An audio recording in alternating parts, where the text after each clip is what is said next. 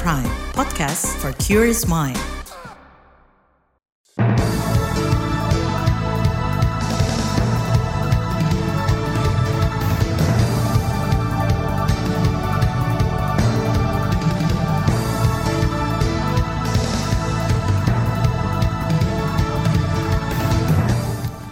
Selamat pagi saudara, berjumpa kembali dalam program Buletin Pagi edisi Rabu 14 Juni 2023. Saya Naomi Liandra. Sejumlah informasi pilihan telah kami siapkan di antaranya. Media penyiaran wajib sajikan informasi pemilu yang berimbang. Pemerintah curigai transaksi miliaran rupiah terkait terorisme. Otorita IKN bentuk Satgas Karhutlah. Inilah Buletin Pagi selengkapnya. Terbaru di Buletin Pagi. Komisi Penyiaran Indonesia KPI menghimbau partai politik tertib saat mengkampanyekan calon presidennya melalui media penyiaran publik.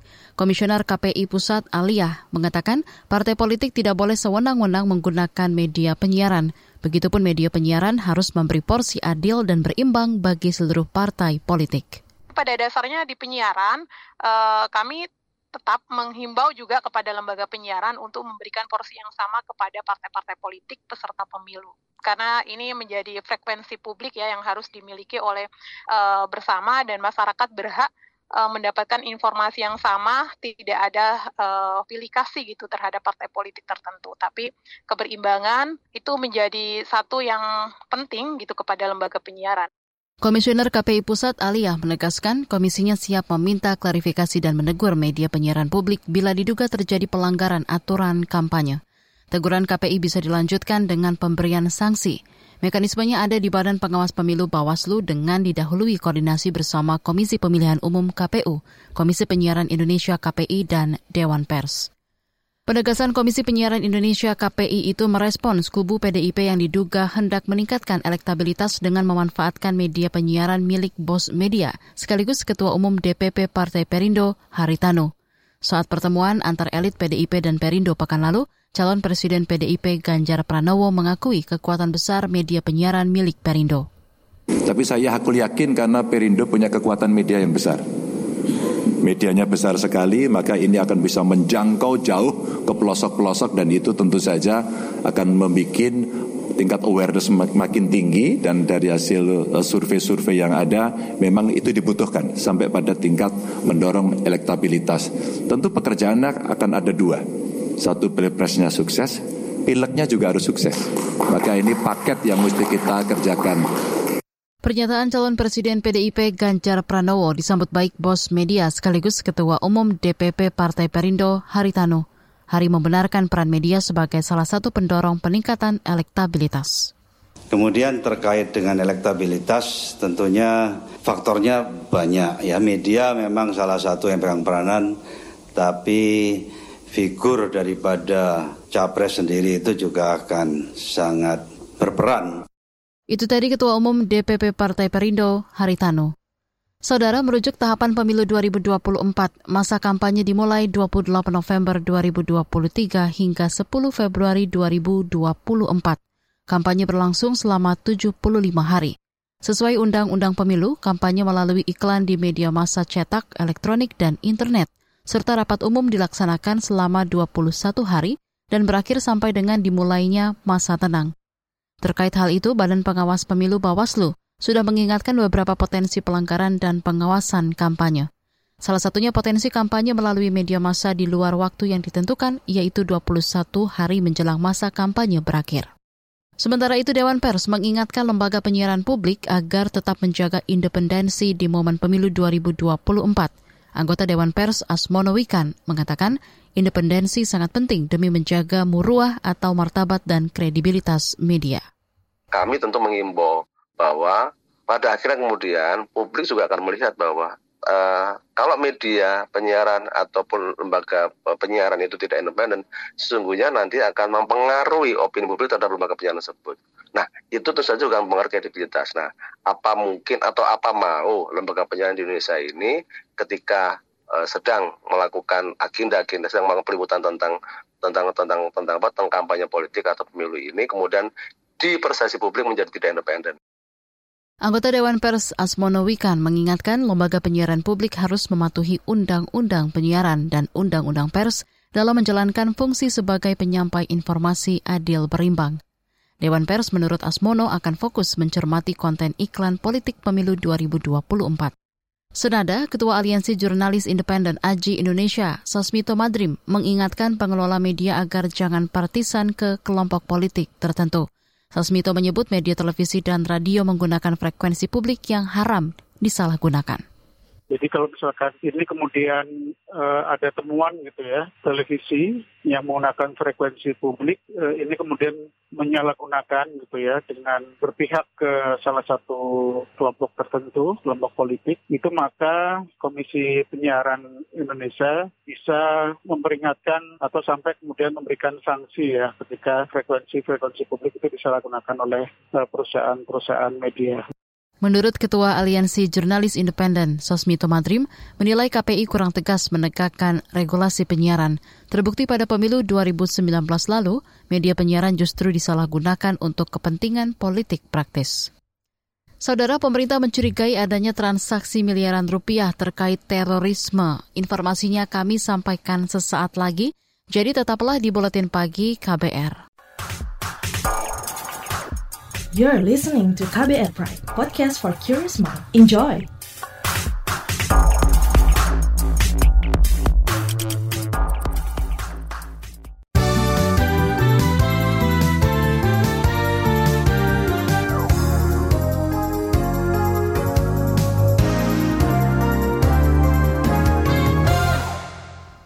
Presiden Joko Widodo menyebut kejahatan di ruang digital terus meningkat. Untuk itu, Kepala Negara mengajak masyarakat meningkatkan kecakapan di ruang digital untuk mencegah dampak negatif penggunaan internet. Tantangan di ruang digital semakin besar, sangat besar. Konten-konten negatif terus bermunculan. Kejahatan di ruang digital terus meningkat. Hoax, penipuan daring, perjudian, eksploitasi seksual pada anak, perundungan siber, ujaran kebencian, radikalisme berbasis digital perlu terus diwaspadai karena mengancam persatuan dan kesatuan bangsa.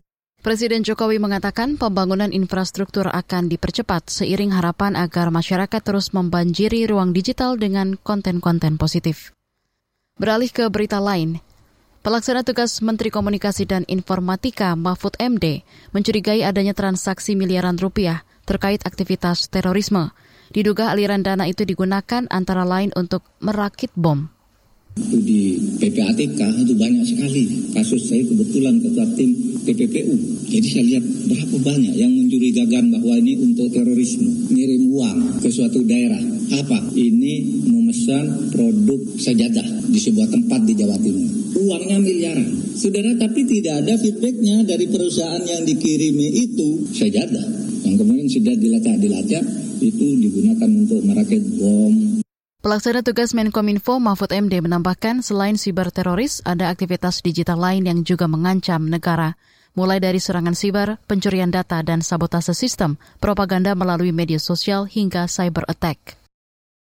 Tingkat polisi sampah plastik yang meningkat cepat menjadi masalah lingkungan global yang serius. Polusi sampah plastik, menurut Menteri Lingkungan Hidup dan Kehutanan Siti Nurbaya, berdampak negatif pada aspek lingkungan, sosial, ekonomi, dan kesehatan.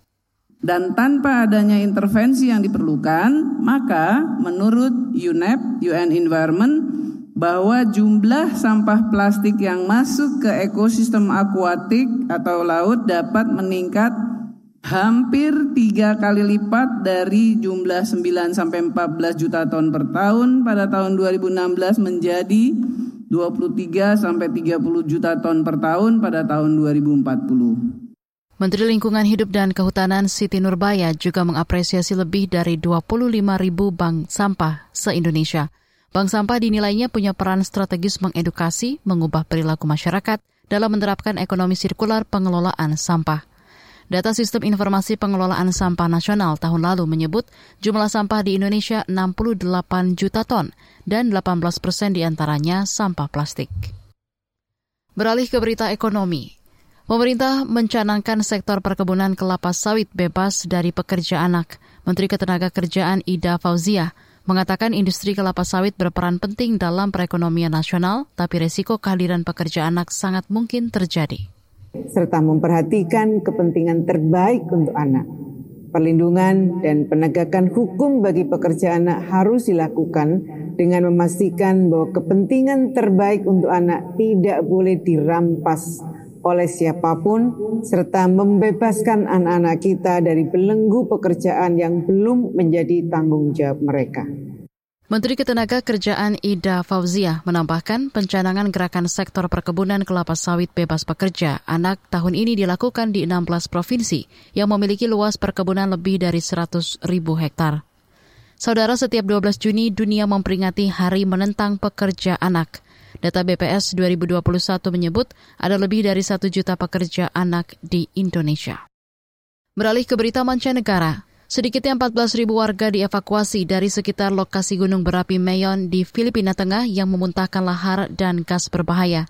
Kepala Badan Vulkanologi dan Seismologi Filipina, Teresito Bacolcol, menjelaskan aktivitas vulkanik bisa bertahan selama beberapa bulan. Saat ini pengungsi berlindung di sekolah serta pusat pengungsian.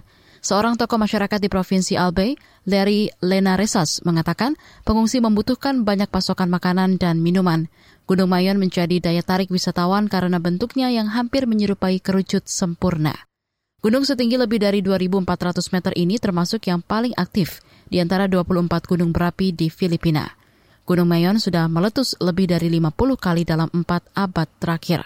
Saudara Filipina berada di cincin api Pasifik, tempat aktivitas vulkanik dan gempa bumi biasa terjadi. Beralih ke berita olahraga, Dua ganda putra Indonesia Fajar Rian dan Leo Daniel melaju ke babak 16 besar turnamen badminton Indonesia Open 2023. Fajar Rian mengalahkan wakil Denmark JV Lasse. Sedangkan Leo Daniel harus melewati laga tiga game untuk mengalahkan pasangan Jepang Ayato Endo Yuta Takei. Di partai lain, ganda campuran Rehan Lisa juga mengamankan tiket 16 besar. Mereka mengalahkan pasangan Malaysia Gohson Lai Shifon. Tunggal putri Putri Kusuma Wardani juga berhasil melaju ke babak kedua. Namun langkah putri gagal diikuti tunggal putri lain yakni Gregoria Mariska Tunjung. Pemain ranking 9 dunia itu takluk dari tunggal India Pusarla Sindhu. Hari ini sejumlah wakil Indonesia lainnya masih akan bertanding di babak 32 besar. Di antaranya Jonathan Christie yang akan menantang andalan Jepang Suneyama, juga Anthony Ginting yang akan menghadapi Vitingus asal Denmark. Indonesia Open 2023 digelar 8, hingga 18 Juni dan menyediakan hadiah total 1.250.000 dolar Amerika atau setara 18,5 miliar rupiah. Di bagian berikutnya kami hadirkan saga berjudul Mending Belanja Bahan Pokok Ketimbang Buat Beli Rokok. Tetaplah di Buletin Pagi KBR. You're listening to KBR Pride, podcast for curious mind. Enjoy!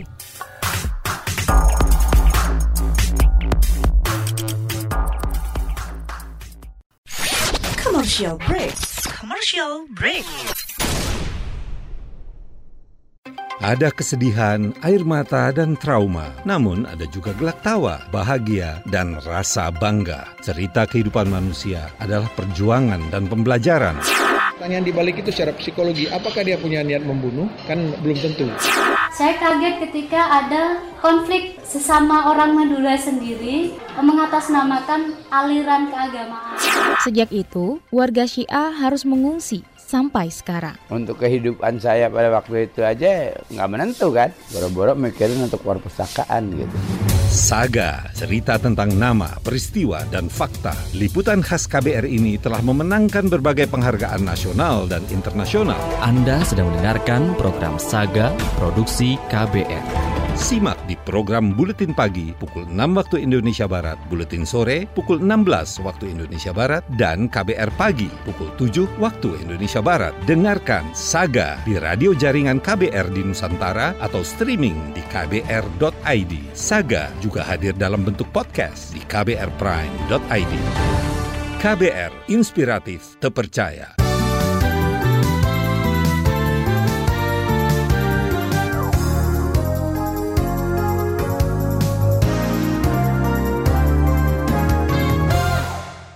Anda masih bersama kami di Buletin Pagi KBR. Saudara, rata-rata pengeluaran per kapita untuk rokok di Indonesia meningkat berdasarkan data Badan Pusat Statistik BPS 2022. Kondisi ini mengkhawatirkan karena tingginya konsumsi rokok berdampak pada ekonomi dan kesehatan. Di sisi lain, tantangan mengubah kebiasaan merokok semakin berat sehingga butuh bermacam terobosan. Itulah yang diupayakan Komnas Pengendalian Tembakau dengan menggelar shopping race di Tangerang Selatan. Jurnalis KBR Nafisa Diana menyaksikan langsung keseruan kampanye edukatif tersebut. Simak kisahnya berikut ini. Oke, dengan suara peluit langsung ingat-ingat uh, tempat belanjanya. Oke, silakan. Tiga, dua, Pasar modern Bintaro Tangerang Selatan mendadak ramai. Sekitar 40 ibu-ibu bercelemek kuning menyerbu kios-kios pedagang. Dalam hitungan menit, para ibu berpindah dari satu lapak ke lapak lain, membeli bahan pangan seperti sayur, telur, ikan, dan daging. Mereka adalah peserta balapan belanja atau shopping race yang digelar Komnas Pengendalian Tembakau Kamis 8 Juni 2023 lalu. Para ibu ditantang membelanjakan uang untuk membeli pangan bergizi dalam tempo 30 menit. Ini merupakan kampanye untuk mengurangi konsumsi rokok di tingkat keluarga dengan tema daripada beli rokok mending beli kebutuhan pokok. Ketua Panitia Kampanye Kreatif Komnas Pengendalian Tembakau Taufik Hidayat. The power of emak-emak tentunya untuk berbelanja makanan kebutuhan pokok yang sehat dari nutrisinya, protein, karbohidrat dan lain sebagainya. Mungkin kalau harganya 15 sampai 20 ribu per bungkus, mungkin ya 5 hari atau 7 hari ya untuk mereka yang merokok dengan uang 100 ribu rupiah, ibu-ibu itu bisa belanja makanan sehat loh. Edukasi mesti gencar dilakukan untuk mengubah gaya hidup masyarakat, sebab konsumsi rokok ternyata melampaui kebutuhan penting lainnya. Data Badan Pusat Statistik 2022 mencatat rata-rata pengeluaran per kapita untuk rokok mencapai Rp82.000 dalam sebulan. Nilai itu naik 7 persen lebih dibanding tahun sebelumnya bahwa orang lebih mudah membelikan rokok. Karena kita tahu nomor dua setelah beras itu sangat mengerikan. Jadi bahwa kita sekaligus memberikan informasi bahwa ternyata harusnya itu bukan rokok yang nomor dua. Harusnya itu kita bisa beli telur kita bisa beli daging sayuran buah-buahan. Harusnya itu di top 5 belum Para ibu menjadi sasaran kampanye karena berperan sentral dalam urusan dapur dan keuangan dengan perannya ibu-ibu di rumah, dengan perannya ibu-ibu di masyarakat, itu edukasi yang kita harapkan pada acara hari ini bisa tertular dari mereka. Mereka juga diedukasi tentang jenis-jenis makanan bernutrisi. Shopping race bukan mencari yang tercepat, tetapi yang paling tepat dalam berbelanja. Kadang-kadang mereka belinya karbo-karbo aja, protein-protein aja. Pada hari ini mereka terinformasi bahwa ini loh makanan yang bagus, A, B, C, D, E yang harus beli. Karena ibu-ibu itu kan menteri kesehatan. Kalau rokok kan merusak ya kalau ini. Jadinya pengen tahu seperti apa sih biar kita bisa hidup sehat. Evi antusias mengikuti shopping race karena sadar akan bahaya rokok. Suaminya sudah bertahun-tahun merokok. Dampak buruk rokok pernah menyebabkan sang suami jatuh sakit. Meski begitu, mengubah kebiasaan bukanlah perkara mudah. Ya memang di, mau nggak mau tidak merokok ya. Setelah sembuh dicoba baru dua bulan tidak bisa. Dicoba dengan dibantu makan permen. Lama-lama tapi nggak bisa terus tetap merokok. Tapi ngerokoknya mungkin sebungkus itu bisa dua hari. Nah itu berjalan hanya cuma sampai lima bulan. Anak Evi yang berusia 23 tahun juga merokok. Ia juga tak jemu mengingatkan sang anak untuk berhenti merokok. Dan saya juga menyarankan untuk anak saya lebih baik uangnya ditabung. Suami dan anak Evi bisa menghabiskan Rp75.000 saban hari demi membeli tembakau. Mereka menyisihkan penghasilan masing-masing khusus untuk konsumsi rokok. Tidak minta dengan orang tua atau suami juga tidak minta dengan istri karena yang penting uang gaji sudah tapi uang rokok dia udah simpen sendiri. Gitu itulah saya jadi semangat lah menghindari tembakau tadi ini ya. Gara-gara merokok apa pun dia harus beli lain halnya dengan Fauzia peserta shopping race ini sudah lega karena ketiga anaknya bukanlah perokok. Anaknya sempat satu tuh yang guru SMA itu. Sudah menikah itu suruh berhenti sama istrinya bisa. Fauzia patut khawatir karena mendiang suaminya meninggal karena kanker yang disebabkan oleh merokok. Perempuan 62 tahun ini kerap meminta sang suami berhenti mengkonsumsi tembakau tapi tidak digubris. Sampai bilang kalau nggak punya uang nanti rumah ini jual aja kita pulang ke Cirebon kata. Beli di rumah daerah sana kan masih ada tabung kok di sini kan harga rumah kan tinggi. Saya marah bilang gitu. Pengalaman pahit inilah yang membuat Fauzia bersemangat terlibat dalam kampanye anti rokok seperti yang dilakukan Komnas Pengendalian Tembakau. Taufik Hidayat dari Komnas Pengendalian Tembakau mengapresiasi dukungan dari para ibu peserta shopping race. Harapannya, kampanye kreatif semacam ini punya dampak berkelanjutan. Kami senang sekali dan kami berharap juga ada impact-nya. Selain masalah dari rokok itu sendiri yang memang berbahaya, jadi mereka jadi tahu makan makanan yang yang mereka beli yang sehat, yang bagus, yang sesuai isi piringku atau empat sehat lima sempurna. Demikian Saga KBR, saya Nafisa Deana. Informasi dari berbagai daerah akan hadir usai jeda. Tetaplah bersama Buletin Pagi KBR. You're listening to KBR Pride, podcast for curious mind. Enjoy!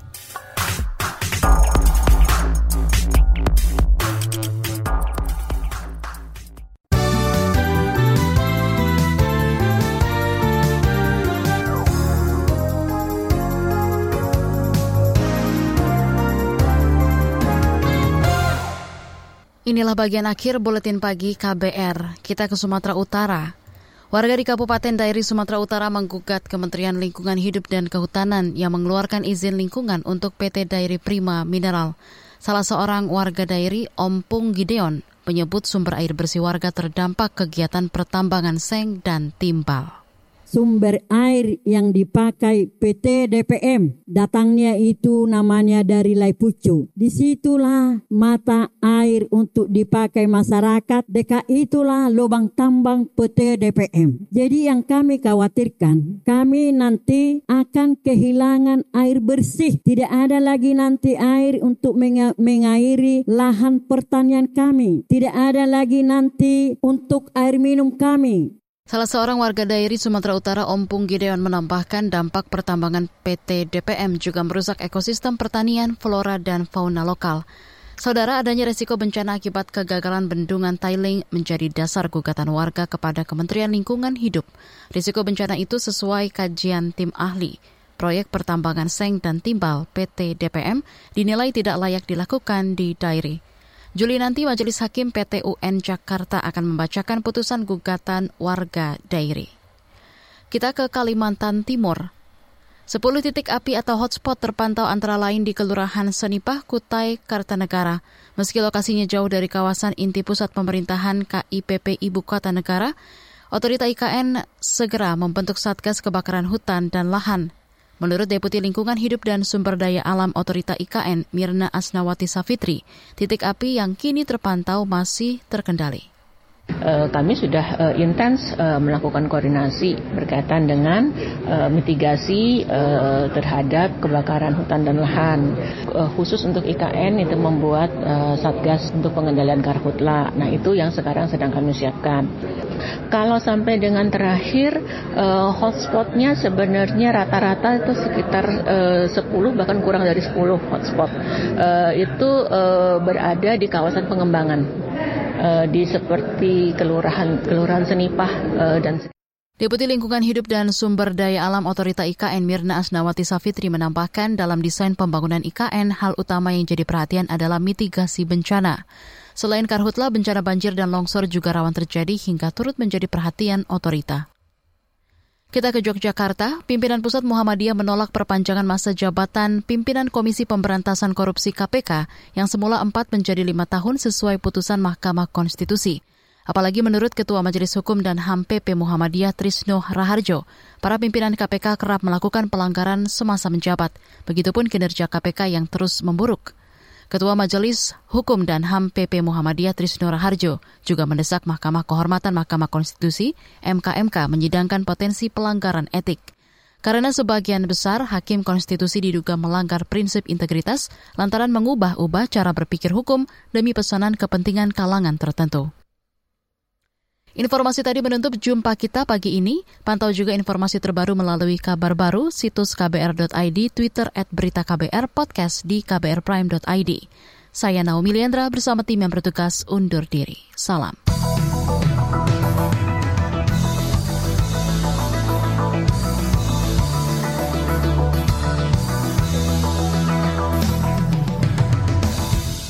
KBR Prime, cara asik mendengar berita. KBR Prime, podcast for curious mind.